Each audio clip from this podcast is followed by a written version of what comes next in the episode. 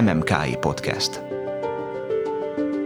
Az MMA Kutatóintézet Kultúrsok című műsora művészetről, újdonságokról, aktualitásokról. Minden, ami zene, irodalom, építészet, film, színház és táncművészet. MMKI Podcast.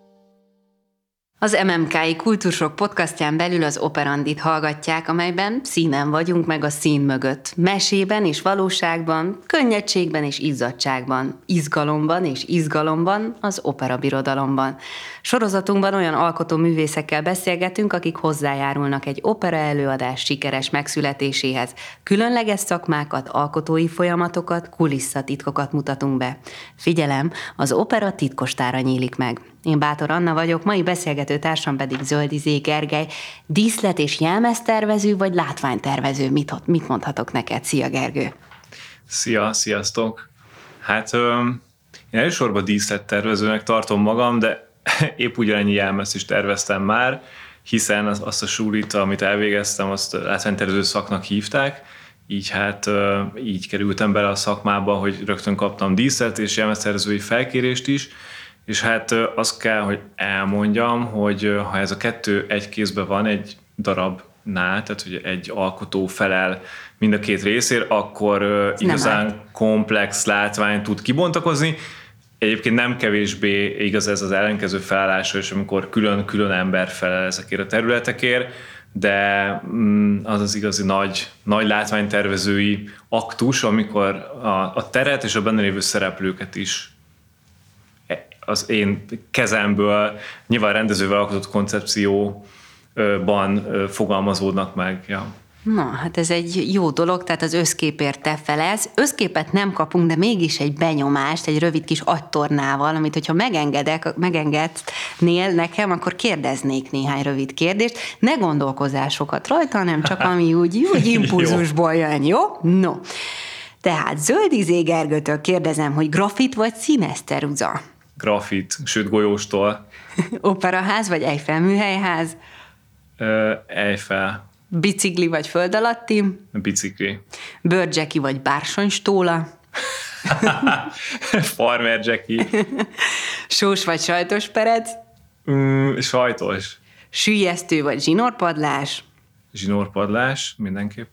És szemüveg vagy kukker? Hú, szemüveg, Szemüveges vagyok, ezt nem látják, de ezt el kell mondani. Akkor ja, azért. De Kiskorom óta. Használtál? Kuker? Uh-huh. Nem, mert szemüveges vagyok, és nem tudom odarakni a szemüvegtől a kuker. Jó, hogy a kiskorodban is az voltál igen, már. Igen, igen, igen. Ja, ja, ja. Na, hát ezek ilyen különleges kis élmények vagy benyomások, amelyek hozzád kapcsolódnak, vagy az operajátszáshoz, hát akkor bontsuk ki egy kicsit, hogy te golyós tollal a kezedben születtél már gyerekként, vagy... nem, hát ha nem is golyóstól, golyóstólig el kell jutni szerintem, mert a golyóstólnak az a sajátossága, hogy nem lehet radírozni, ezáltal már egy ilyen biztosabb kezet kíván, mindig is ciki volt radírozni, vagy hogy volt nálad radír, az, az, az, az azt jelenti, hogy nem tudsz elég jól rajzolni, legalábbis ez volt. Nekünk meg volt tiltva a suliba például, hogy használjunk radírt. Igen? Egy korai kell, kenyér kellett volna, azt a gyerekkorodban? Nekem nagypapám mutatta, nem. hogy kenyérrel lehet radírozni, és tényleg. Nem, de most, hogy mondod, a, legenda megvan. Na, de feladat, még, feladatot még, még kaptál itt tőlünk. Jó, próbáld Jó, kipróbálom. Öm, szóval öm, hogy golyóstól a kezembe születtem-e? Hát gondolom arra utal a kérdés, hogy, hogy mióta foglalkozok ilyen izé, vizuális ö, művészetekkel. Hát elég hamar ö, kiderült, hogy mit tudom, jól tudok rajzolni, meg ö, ábrázolni ö, így a, a környező világot, és ö, elég hamar ö, el is kezdtem így a, nyilván a füzet sarkában, meg ilyen ö, helyeken ö, ö, csukló mozdulatokat végezni, vagy hogy mondják ezt? Igen, igen. Ö, és meg nyilván ilyen rajszakkör, meg olyan ö, ö, workshop, meg mit tudom én, tehát hogy elég sok ö, helyen föl uh-huh. szedtem, és ki, kristályosítottam ezeket a, a skijeimet, aztán utána, amikor elmentem Kaposvárra ö, látványtervező szakra, akkor addigra már nyilván ezeknek eléggé a birtokába voltam, ezeknek a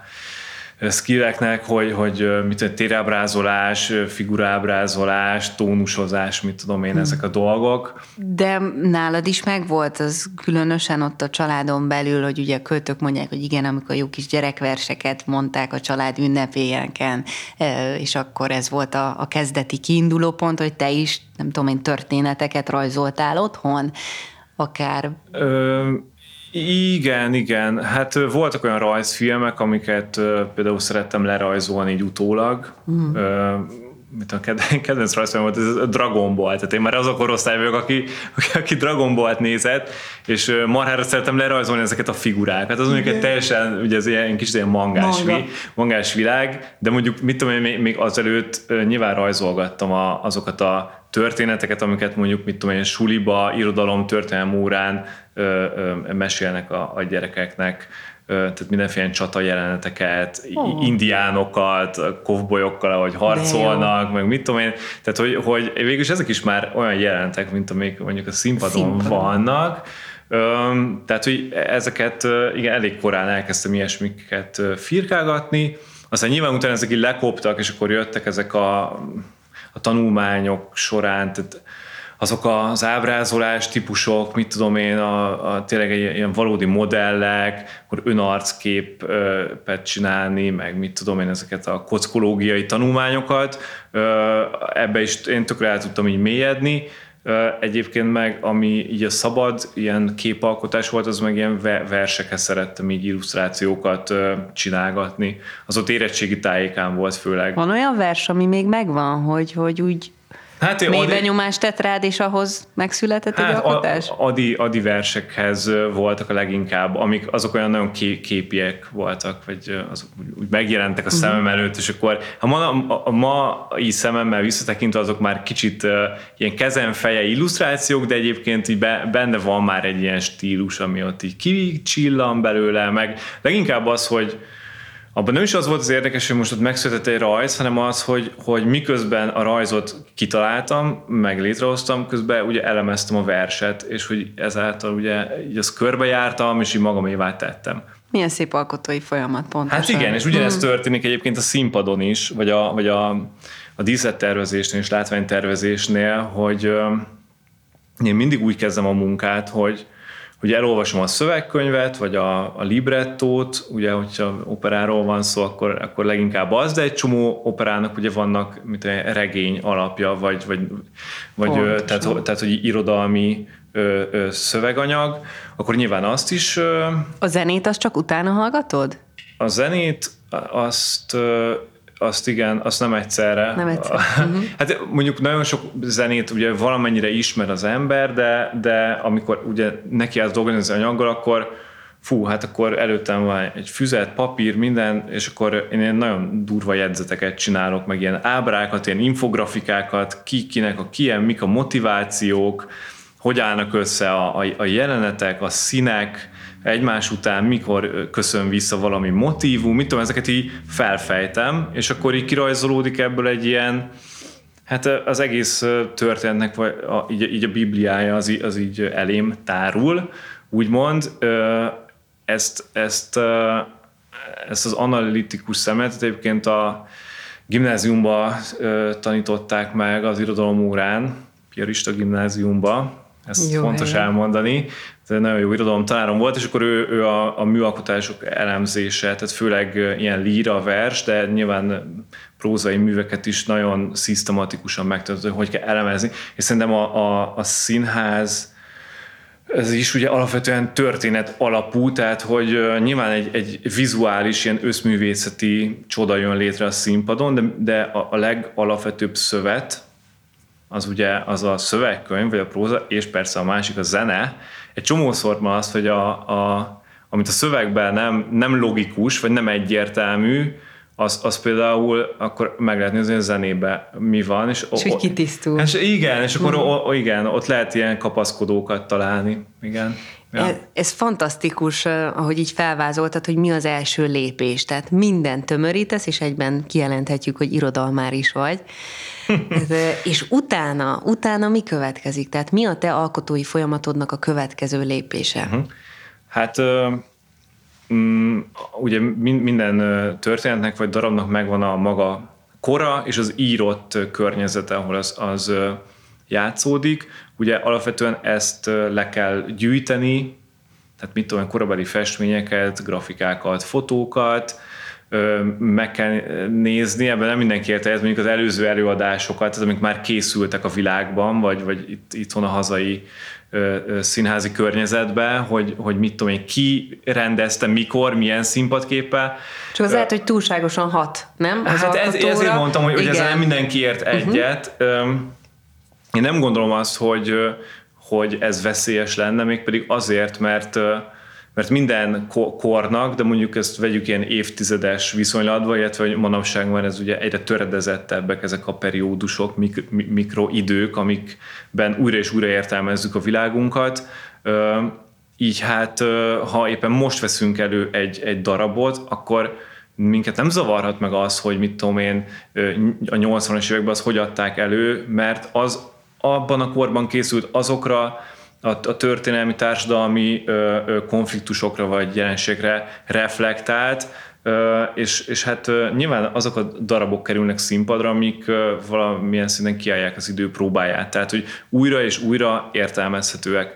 Tehát nyugodtan meg lehet nézni, hogy, hogy mit kezdtek ezzel 20-30-15 évvel ezelőtt, mert ez minket nem tud, vagy engem legalábbis nem tud eltántorítani, vagy, vagy nem kerülök egy ilyen csapdába, hogy jaj, de jól megfejtették ott, mit tudom én, melyik darabnak a, a, a, így az eszenciáját, és akkor nekem meg már csak már nem, ne, nem kell kikaparni a, a saját gesztenyémet.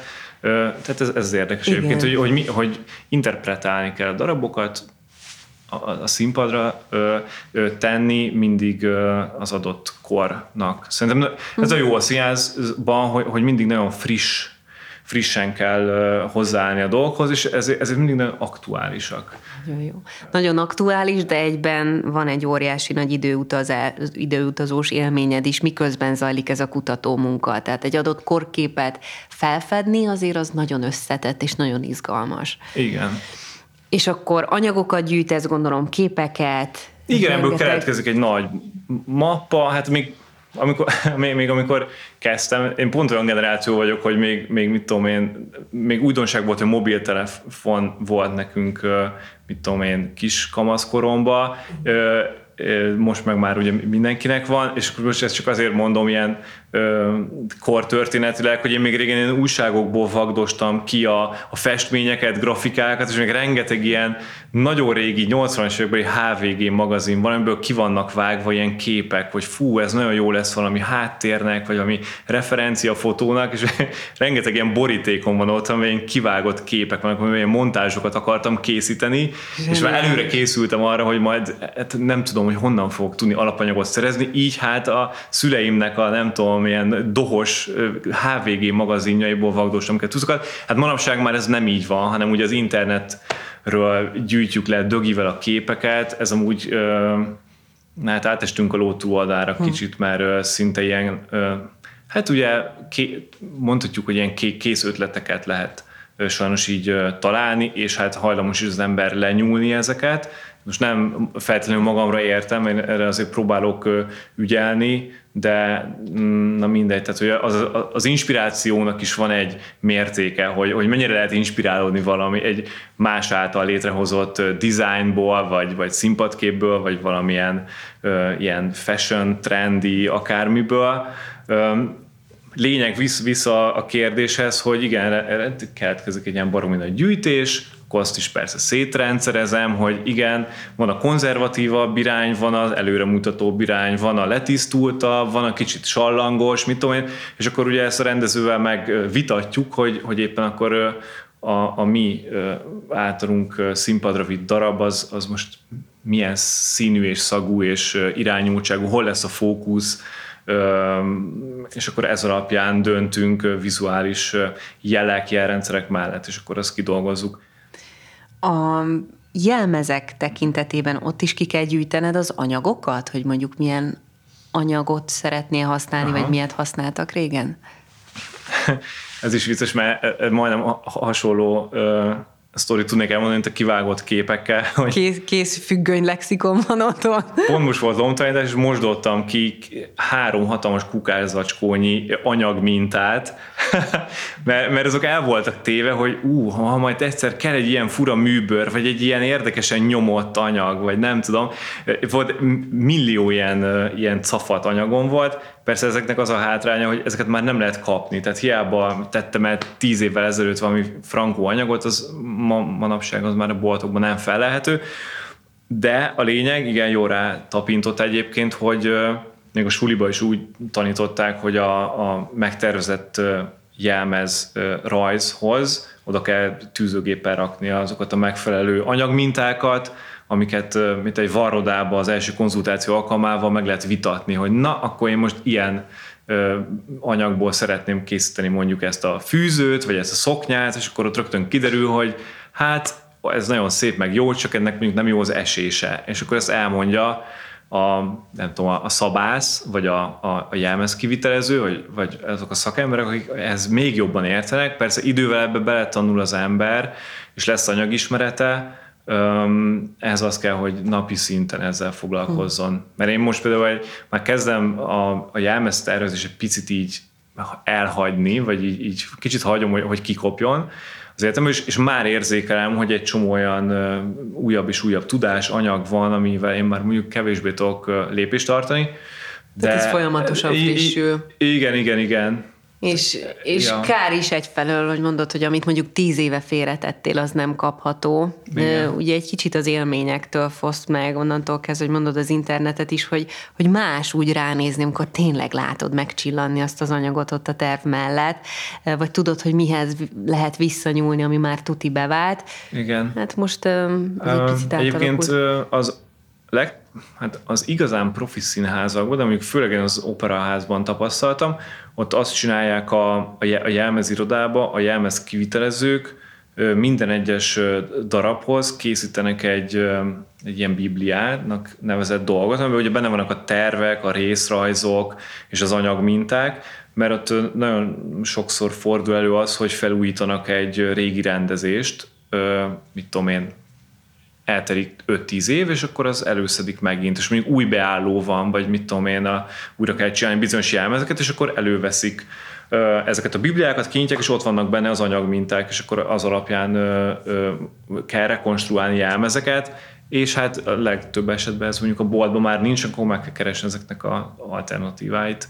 Ja, ez, ez, ez, ez végtelenül szakmai. Ez, ez az a része például ennek a szakmának, ami kicsit túlmutat a, jelmeztervező vagyok, és akkor kitalálom, hogy milyen színű legyen a szoknya, és hogy ilyen csillogó izé legyen a szélén. Tehát ennél azért sokkal, sokkal, sokkal mélyebb ez a, ez a szakma, főleg mondjuk az olyan daraboknál, amiben mondjuk mozgás van, vagy mondjuk a balett ennek, ennek a, a, a, a leg markánsabb műfaja, ahol, nagyon nem mindegy, hogy hány gram egy anyag, hogy hogyan nyúlik, hogy hogy van az egész kiszabva. Az opera az egy kicsit statikusabb, de ott is Hát...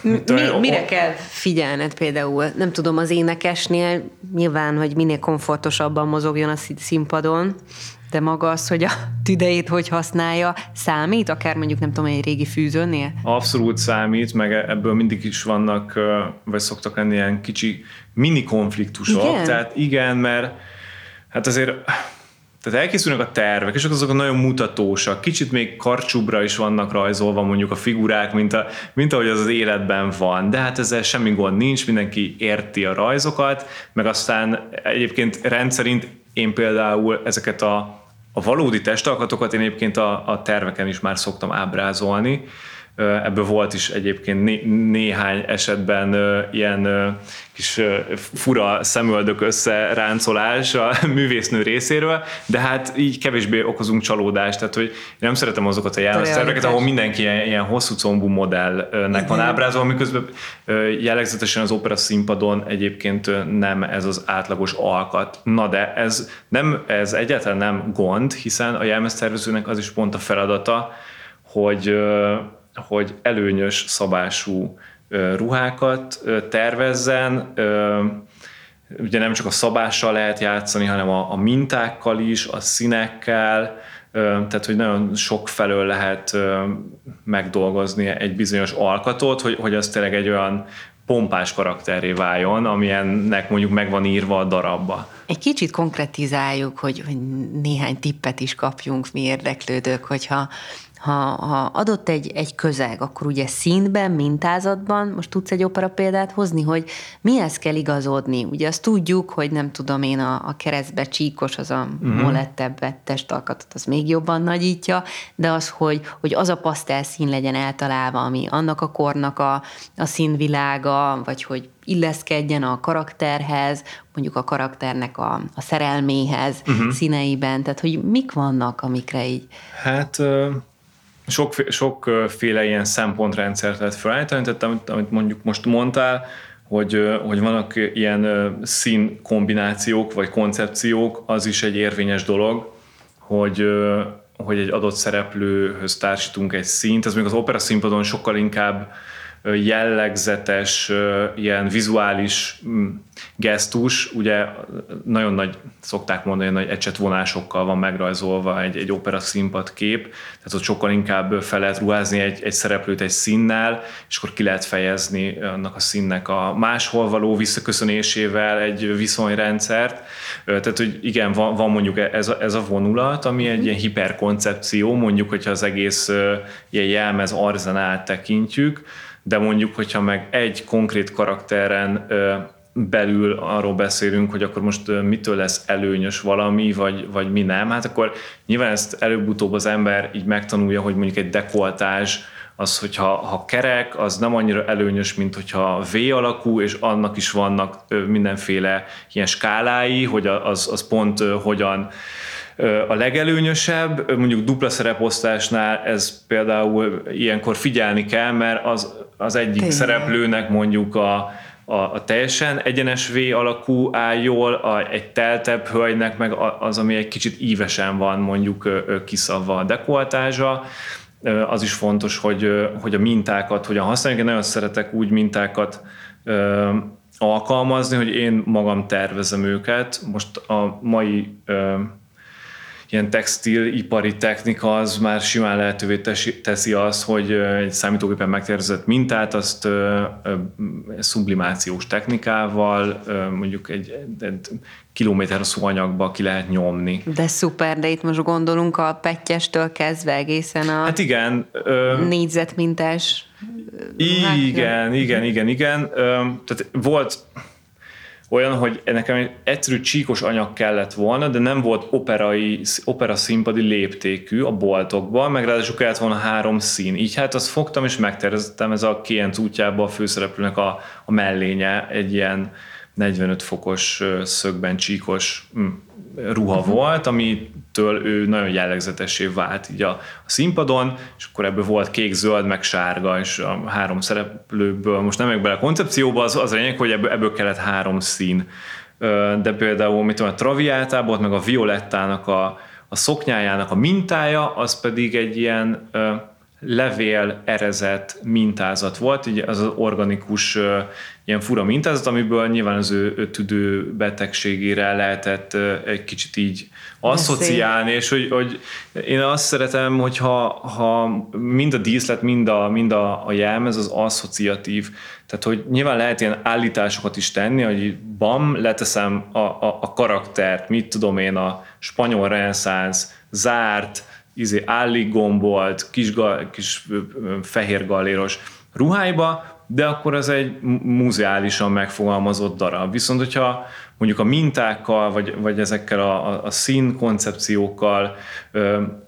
jelrendszereket hozok létre, és egy ilyen egy ilyen másodlagos értelmezési tartományt is felfestek, amit mondjuk nem is biztos, hogy fel kell fejteni egy nézőnek, elég, hogyha csak nézi, nézi, nézi, és előbb-utóbb így összerakja, mert szerintem a tudatalatti ezeket így Ezt tudja kapcsolja. olvasni, és, és én ezeket szeretem egyébként egy színpadon, hogy egy ilyen történetbe bele van kódolva ugye egy csomó dramaturgiai ösvény, kereszteződés, mint tudom, és akkor ezeket mondjuk le lehet követni ruhába is, mondjuk például ez a legjellegzetesebb. Nyilván díszletben is lehet erre törekedni, meg, meg alapvetően nekem ez az alkatom, de egyébként egy csomó esetben sajnos ez mondjuk tudom én, a rendező kicsit mondjuk nem ezen, nem, nem ez a fókusza neki, hogy, uh-huh. hogy, e, hogy így legyenek megoldva a dolgok, vagy, vagy vagy a történetnek nincsenek ilyen rétegei, de egyébként, egyébként a, a legostobább történeteket lehet szerintem a leg,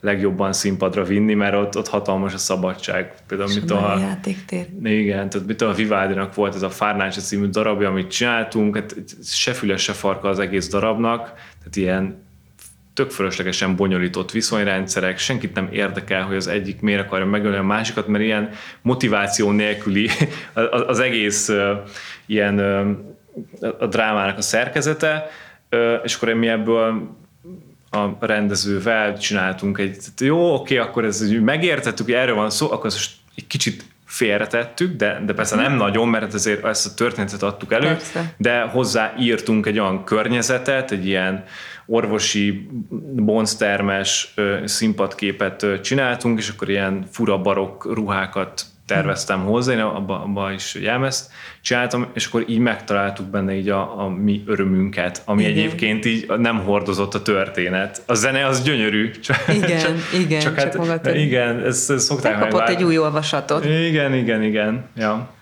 A, itt azért ez is mutatja, hogy tehát nagyon tehát nagyon nem mindegy, hogy milyen kontextusban látja az ember magát a díszletet, vagy a jelmezt, és hogyan, hogyan kapcsolódik össze a zenével, vagy a dramaturgiával. Mi az, ami most 2022-ben úgymond a legextrémebb az operajátszásban? Ugye már lehet olyat látni, hogy nem tudom én, ilyen nagy fejdíszekkel érkeznek, de hogy mind a textúrájában, vagy megvalósításban, tehát ahogy már a díszletelemeknél látjuk, hogy néhány másodperc alatt felhúzzák, kitolják, forog, ég, uh-huh. ez a jelmezek tekintetében is Hát... Így van. Erre most nem tudok annyira frappáns választ adni, uh-huh. mert, mert nem tudok ilyen, ilyen nagy novumról, ami, ami most annyira uralná de hogy vannak, vannak olyanok, hogy mondjuk guruló jelmezek. Vannak, de ilyenek voltak régen is. Hallom, tehát, hogy bizonyos szempontból így a színpad környékén szerintem nehezen újulnak meg a technológiák. Uh-huh. Tehát be, bejönnek, meg beköszönnek, de, de mi, tehát mit tudom én, lé, lézer is alkalmaztak már 30 évvel ezelőtt is a színpadon, meg most is. És a, a, most is még az egy friss dolognak hat, vagy, vagy lehet jól alkalmazni, a közönség is valószínűleg azt fogja mondani, hogy na, ez egy korszerű technika, de ilyet, ilyet már csináltak 30 évvel ezelőtt is. Tehát nagyon sok minden, mm, szerintem az elmúlt 50 évben mondjuk a, így a színpad technikában az, már a legnagyobb ilyen blikfangok azok, azok megtörténtek az, hogy, az, hogy mondjuk egy lámpapark, tehát hogy mit az intelligens lámpák, azok már tényleg egyre profibbak, egyre finomabb mozgásúbbak, ez technikai kérdés, nem, nem ilyen szenikai mm. tervezői kérdés. Az, hogy egy ruhába világító részeket tervezünk, ilyet is láttunk már tök régóta, ez sem olyan nagy szám, Tehát én, én még ne, itt is igaz az, hogy nincs új a nap alatt. Nincs új, én, én, de lehet, hogyha valaki szakmabeli is hallgatja ezt, és, és ő, ő neki van tudás, akkor, akkor lehet, hogy majd rám cáfol, de, de én nem tudok olyan dicső novumról, ami, amire most annyira lehetne egy mellett döngetni, hogy, hogy fú, ezért érdemes elmenni megnézni egy, egy jelmez, mert hogy, hogy ilyet csak a színházból lehet látni. De sajnos a, a, tehát na, a színház az nagyon ö, mechanikus és nagyon valós idejű, és ott és akkor történik, ö, viszont ugye a mai világban pedig már egyre inkább hozzá vagyunk szokva a, a CGI technikához, az utómunkázott effektekhez, sőt ezek már real time-ba is tudnak ugye működni, tehát amikor tényleg egy arcot kicserélnek, e, ez már real time-ba megy, tehát innentől fogva a, a színpadi vizuál az, az lépés hátrányba kerül, ha így nézzük a dolgot. De nem így kell nézni, hanem azt, hogy a, hogy a színpadon ott, ott, ott másfajta varázslatok működnek. Tehát szerintem nyitottnak kell lenni mindig a legfrissebb technológiákra, meg, meg ezeket be is kell engedni, ki is kell próbálni a színpadon, de, de szerintem ez nem szabad görcsön ragaszkodni, nem szabad szereptévesztésbe kerülni, hiszen nem egy moziba vagyunk, vagy egy virtuális valóság terepen, hanem, hanem a, a, a, színházban, ahol, ahol a, a varázslat az, az nem feltétlenül technológiai értelemben történik meg, hanem ott valahogy sűrűbb a levegő ezekben a, az előadásokban. Ugye már fogytán az idő, de még nagyon-nagyon sok részletbe bele kéne, hogy menjünk. Ugye ott tartottunk, hogy megtörtént a, a gyűjtőmunka, azt részleteztük, ugye különböző kategóriák szerint, utána ugye történik maga a megvalósítás, uh-huh. És aztán a ruhapróba, és még a színpadon is van úgymond újdonság, amikor elkezdi az ember tényleg viselni ének közben a jelmezt, vagy amikor úgy látja, látjátok a díszletek mozgatása közben, hogy ó, ott még valami nem stimmel, mire kell még figyelni, mi történik ezekben a folyamatokban, illetve majd még a díszletről uh-huh. ejtsünk néhány szót. Jó. Hát igen, ugye a rajzok előbb-utóbb valóságá válnak, mondjuk a varrodákban ugye elkészítik ezeket a a varrónők, jönnek a, a művészek, felpróbálják a ruhát, a bonyolultabb ruhákat mondjuk több ö, fázisban kell próbálni, mert annyira bonyolult a kidolgozásuk, ö, valamit elég mondjuk ö, egy alkalommal, és akkor utána ugye elkövetkezik a főpróba hét, amikor mindez a színpadra kerül, ugye abba a kontextusba, ahol még soha nem láttuk élőbe a dolgokat, mert a, a varrod a neon ö, csövei alatt ugye minden kicsit másképpen néz ki. Na de aki ugye rutinosabb már, meg, meg ugye tech színpadra gondolkozik, az nem fogja nagy csalódás érni, hogyha a színpadon ö, viszont látja a ruhát, és akkor ö, tehát előre lehet tudni, hogy igen, ez direkt sápat, vagy direkt ilyen mély tónusú, vagy, vagy, vagy direkt olyan, amilyen. És akkor ott ugye a fényel, a díszlettel és az adott interakcióba, tehát hogy mondjuk kontaktol két személy, mondjuk mit tudom én, egy verekedés jelenet, vagy olyan mm. jelenet, ahol, ahol egymáshoz érnek, össze tudnak akadni a ruhák, tehát ezek mind ott derülnek ki. Nyilván ezt valamennyire ugye előre is végig van gondolva, és jelzés, dísz, jelzés jelmezeket beszoktunk adni már próbára is, mondjuk, hogyha tudjuk, hogy valaki már egy nagy fejdísz, és nem biztos, hogy be fog férni az ajtón, akkor ő már úgy próbál a jelzés ajtóban, hogy fején van egy jelzés korona például, tehát, hogy ilyen meglepetéseket azért ki lehet küszöböl, küszöbölni, Ö, aztán ö, végül is, igen, igen a, fő, a fő, tehát, főpróba hétnek, ki. Igen, és akkor főpróba hét, aznak már elvileg hivatalosan úgy kell lemenni, hogy ott már nem kerül be új dolog, ott uh-huh. minden már kész, és már csak begyakorlásra kerül. Hát a, e, ennek ez kicsit felül szokta írni egyébként így a valóság, mert mindig jönnek új dolgok, meglepetések, még egy ötlet, még egy csavar. Ettől izgalmas. Igen, igen, igen. Tehát, hogy nagyon eleven.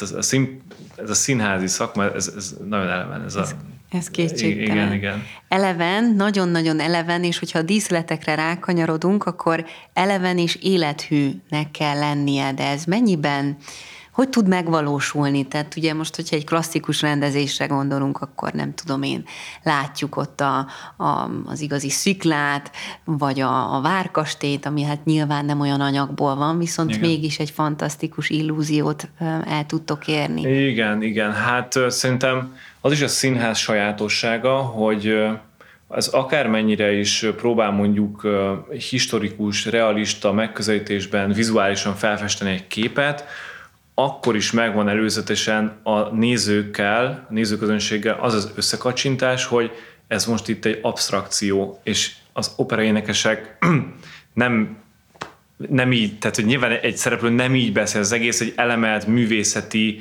ö, produkció, ez egy, ez egy fura nagy totál, tehát hogy egy, egy óriási képet látunk, nem részletekben, nem fölsnittelve, most, hogyha egy, egy filmre gondolunk, tehát nincs arcközeli, ha csak nem kameráznak a színpadon, hanem egy nagy totált látunk, és, és az egész felfogása, az egész szintre absztrakt módon van a színpadon.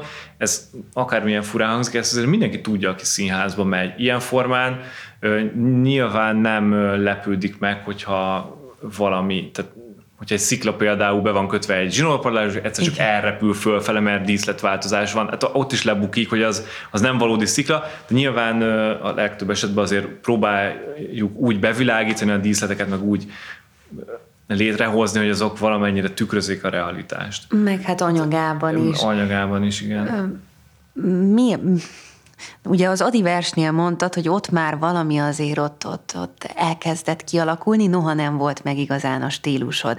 Mennyire nagyon nagy kihívás szerintem az, hogy a stílusa meg legyen egy ilyen alkotóművésznek, miközben egyszer valódi sziklát kell egy természeti képben, nem tudom én, a 18. században előhívni, utána pedig 2022-ben bőrcsekiben és világító fejdíszekkel akár Igen. flangálnak a színpadon. Hát itt most le kell, hogy romboljam azt, azt a mítosz, hogy, hogy minden egyes tervező vagy alkotó az, az rendelkezik egy olyan unikális stílussal, aminek a saját kézegye. Ez, ez nincs kizárva, ez tök jó, hogyha valakinek van. Én például olyan embernek tartom magam, akinek nincsen ilyen stílusa, mégpedig azért sem, mert ez a, a színpadi tervezői szakma, ez egy alkalmazott művészet, tehát ez nem olyan, mint mondjuk egy, egy festő, aki, aki önmaga teremti a saját mitológiáját, vagy a saját maga univerzumát, és, és azt, azt, ott minden egyes elemet ö, és stílusját ő dedikál, hanem ez egy,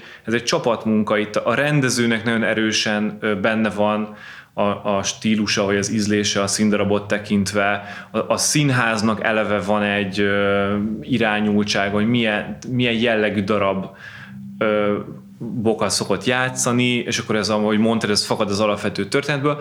Én ö, nyilván azt szeretem, hogyha valami esztétikus, stílusos, de az, hogy az, hogy egy, egy tervezőnek a stílusa annyira erős legyen, hogy az rátelepszik több mű, mű tehát a színpadi produkcióra, érted, és, és szinte az válik elsődlegesen.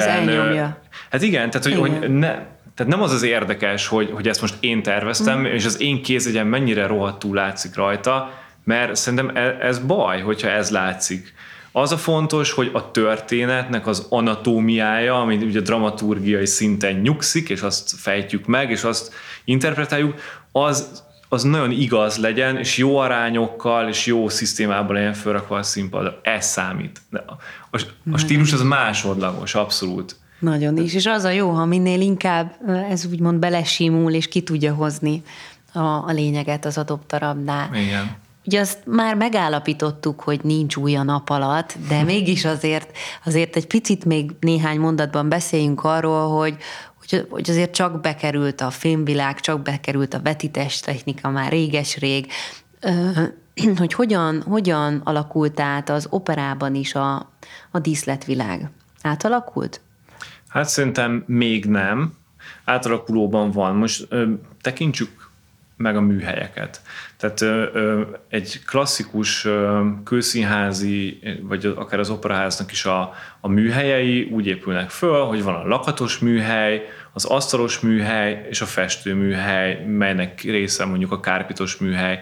És akkor ez úgy, ahogy egy csontvázis, először elkészülnek a szerkezetek, arra jön a, nem tudom, a, a hungarocálborítás, vagy a polifon, vagy a ez, vagy az, megképződnek a formák, és akkor az le van kasírozva, le van festve. E, e, ez a klasszikus felépítménye egy-egy színpadi díszletelemnek. Ez, ez nehezen változik meg, vannak modernebb anyagok, vagy korszerűbb, könnyebb anyagok, mint létezik cellás polikarbonát, aminek ugyanannyi előnye van egyébként, mint hátránya, de, de ez, ez mindenről elmondható. Tehát, hogy vannak újabb és újabb anyagok, amiket használunk, de, de szerintem lényegesen nem ö, ö, érzékelek igazán nagy változást.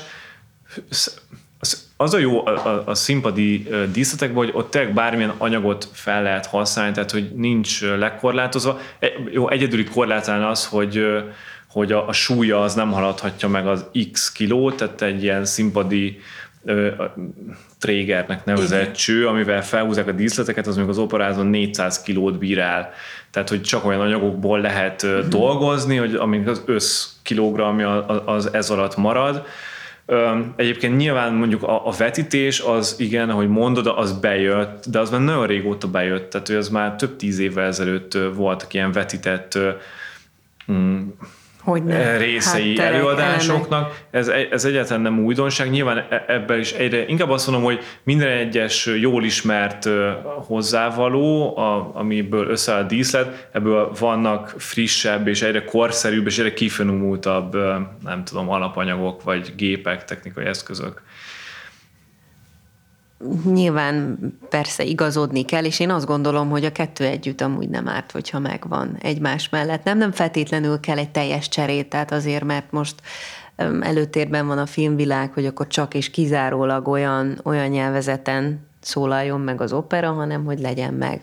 Legyenek átjárható, tehát hogy átjárhatóságok, le, lehessen átkacsintani, kicsit kölcsönvenni egy vizuális jelrendszert, hogy ilyesmi, de, de szerintem a, tehát a szín soha ne hagyja ott a saját identitását azért, mert azt érzi, hogy annyira dübörög a 21. századi vizuális kultúra, amit tényleg már század másodpercekben mérhető, miközben a szín, színpad bent, ahogy említettem, az egy totál, tehát ott, ott nincs, nincsenek óriási változások. Nyilván a, a leg ilyen gyorsabban változó színpad az mondjuk egy, egy musical, ahol mondjuk forgó van, meg ilyen kis kocsikon jönnek, mennek a díszletelemek, de, de, de még az sem, az sem veszi föl uh, nyilván a kesztyűt azzal a tempóval, amit a reklámfilmek, a mozik ö, ö, ö, tudnak prezentálni, de ez nem is feladata a színháznak. Ezt, szerintem ezt, ezt nem szabad számon kérni rajta. És az operának, tehát az operás színháznak ö, mi a feladata, vagy hogy tud akkor jelen lenni, akár a reklámok mellett, amit mondtál. Hát az, az opera műfaja uh-huh, hogyan uh-huh. tud eleven részévé válni a 21. századi igen, kultúrának? Ez igen, a kérdés? Igen, vagy hogy hogyan tud egy olyan élményt adni, ami, ami valódi élmény, és nem az van, hogy én arra vágyom, hogy tak tak tak tak tak, tak történjenek filmszerűen az események, és minél több impulzus, hanem egy teljesen más közeg, és hogy az adjon, vagy, vagy hát a legjobb esetben érjen is el egy olyan tetőpontot a befogadóban.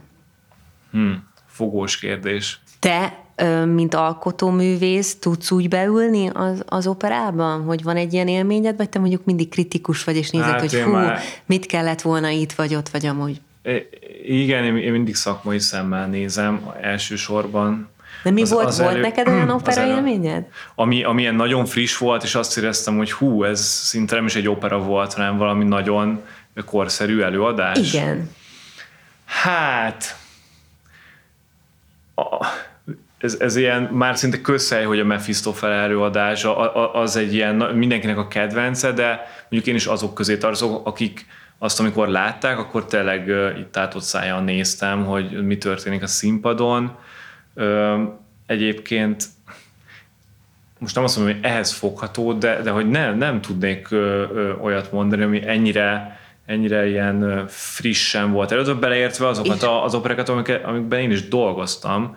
És ami nem friss, de mégis azt mondod, hogy egy különleges élmény, ezt ki, kijelenthetjük szerinted az opera műfajáról, hogy, hogy valami nagyon különlegeset, extrát kap az ember, amikor beül egy előadásra? Most az épülettől függetlenül.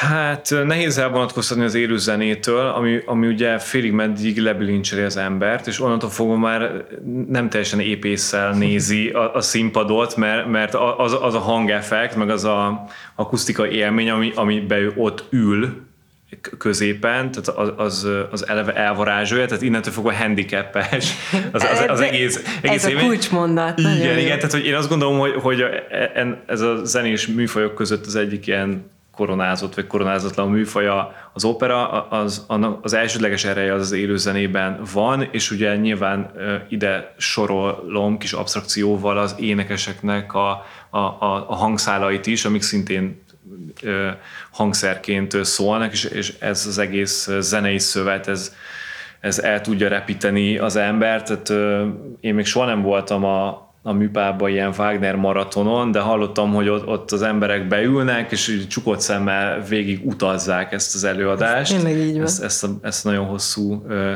ringciklust.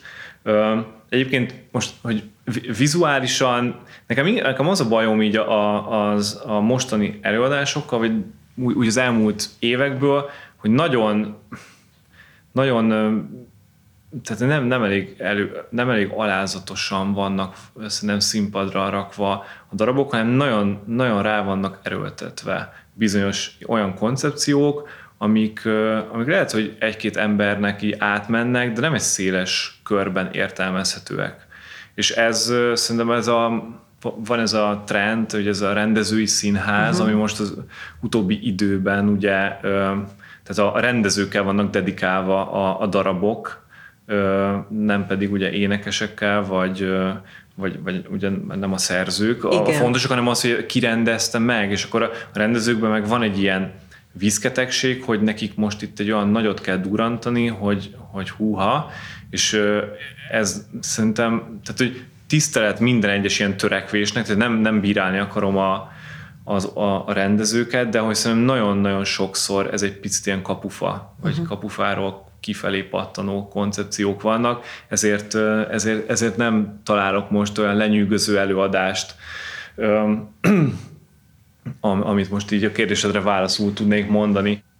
Nagyon megfogott engem, amikor mondtad, hogy kivagdostál a HVG-ből képeket, meg ugye, hogy az anyagokat hogy gyűjtötted, hogy itt van előttem ez a lexikon, vagy ez a könyv, gyűjtemény, album, hogyha ezt kinyitnánk, és én most azt mondanám, hogy Zöldi Zé Gergely és az opera. Milyen benyomások vannak benned a te szemüvegeden keresztül ma, milyen számodra az opera műfaja? Akkor ez hogy néz neki?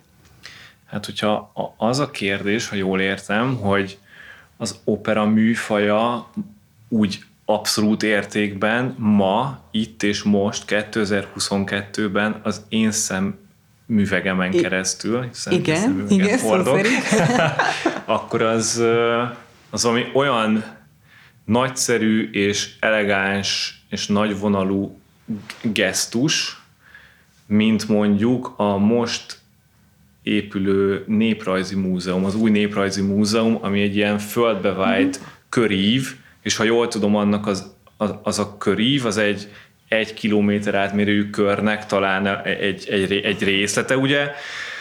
Ez eleve egy tök jó, hogy van benne egy ilyen szuperszónikus matek, plusz, plusz egy nagyon ősi geometriának van dedikálva ez az egész ötlet, tehát hogy egyszerűen ez nem, ez nem tud félre menni, ez mindenképpen igaz, és egyébként szerintem nagyon ízlésesen is lett kivitelezve, plusz az, hogy, hogy ez be, bemetsződik a földbe, tehát hogy e, ez a nagyvonalúság, ez a fajta tervezői találékonyság, bátorság kellene mondjuk, hogy jellemezze az operát. És hogyha szabad ennyire messziről asszociálni mondjuk erre a műfajra, akkor, akkor hogyha ilyen felfogású rendezések és színpadképek történnének, akkor azt gondolom, hogy az, az klassz lenne. Szuper, és azért ott a, a színpad, a színpadi elem valahogy megjelenik ebben a gyönyörű példában, ahogy mondtad, nem véletlen számomra, ahogy elmondtad. Igen. Van-e olyan, még itt végezetül, olyan nyitány, olyan ária, vagy összességében egy egész opera, ami mondjuk mindig ott van neked a Spotify-on, és hallgatod, és arra arra dalolászol nagyokat, miközben szeled, szeled a várost. Van ilyen? Hát, Ez is változik mindig aktuálisan. Változik, igen, mert mindig, mindig az az opera jár a fejembe, amit, amit, amit vel éppen dolgozok. Amit most fogok mondani, azzal, azzal érintőlegesen volt csak dolgom, végül nem csináltam, de az a Ponchielli zeneszerző műve a Gioconda, és ebben van az órák tánca ami egy kicsit ilyen dallamosabb Nagyon rész, az, az rajta van a tracklistemen. Hm, ja, javaslod. Azt, azt nagyon szeretem. Azt javaslom, is, igen. Nem annyira commerce, de de fogyasztható, igen. Nagyon Úgyhogy azt jó szívvel. Te jó szívvel ajánlja a Zöldizé Gergely, én is jó szívvel ajánlom. Tegyék be, tegyenek egy próbát, abszolút egy befogadható részletről beszélünk. Nagyon köszönöm, Gergő, hogy itt voltál. Nagyon szívesen. Nagyon-nagyon színes elevenképeket tártál elénk, és én azt gondolom, hogy aki fontolgatja ezt a gyönyörű szakmát, az most meggyőződhetett arról, hogy, hogy, hogy egyben vagy irodalmár, egyben vagy időutazó, egyben vagy kutató, és nagyon-nagyon sok minden. Képzőművész. Képzőművész. Csapattárs. Ja, sok minden. Sok öröm rejlik ebben a szakmában egyébként. Érdemes De nem belevágni. könnyű. Nem könnyű, mint Igen. semmi más, de érdemes belevágni. Abszolút. Igen. Köszönöm szépen, hogy velünk voltál, és a hallgatóknak is köszönjük szépen, hogy együtt tudtunk itt gondolkodni, és kinyílt mindenki számára az opera birodalma. Tegyék ezt legközelebb is, várom Önöket.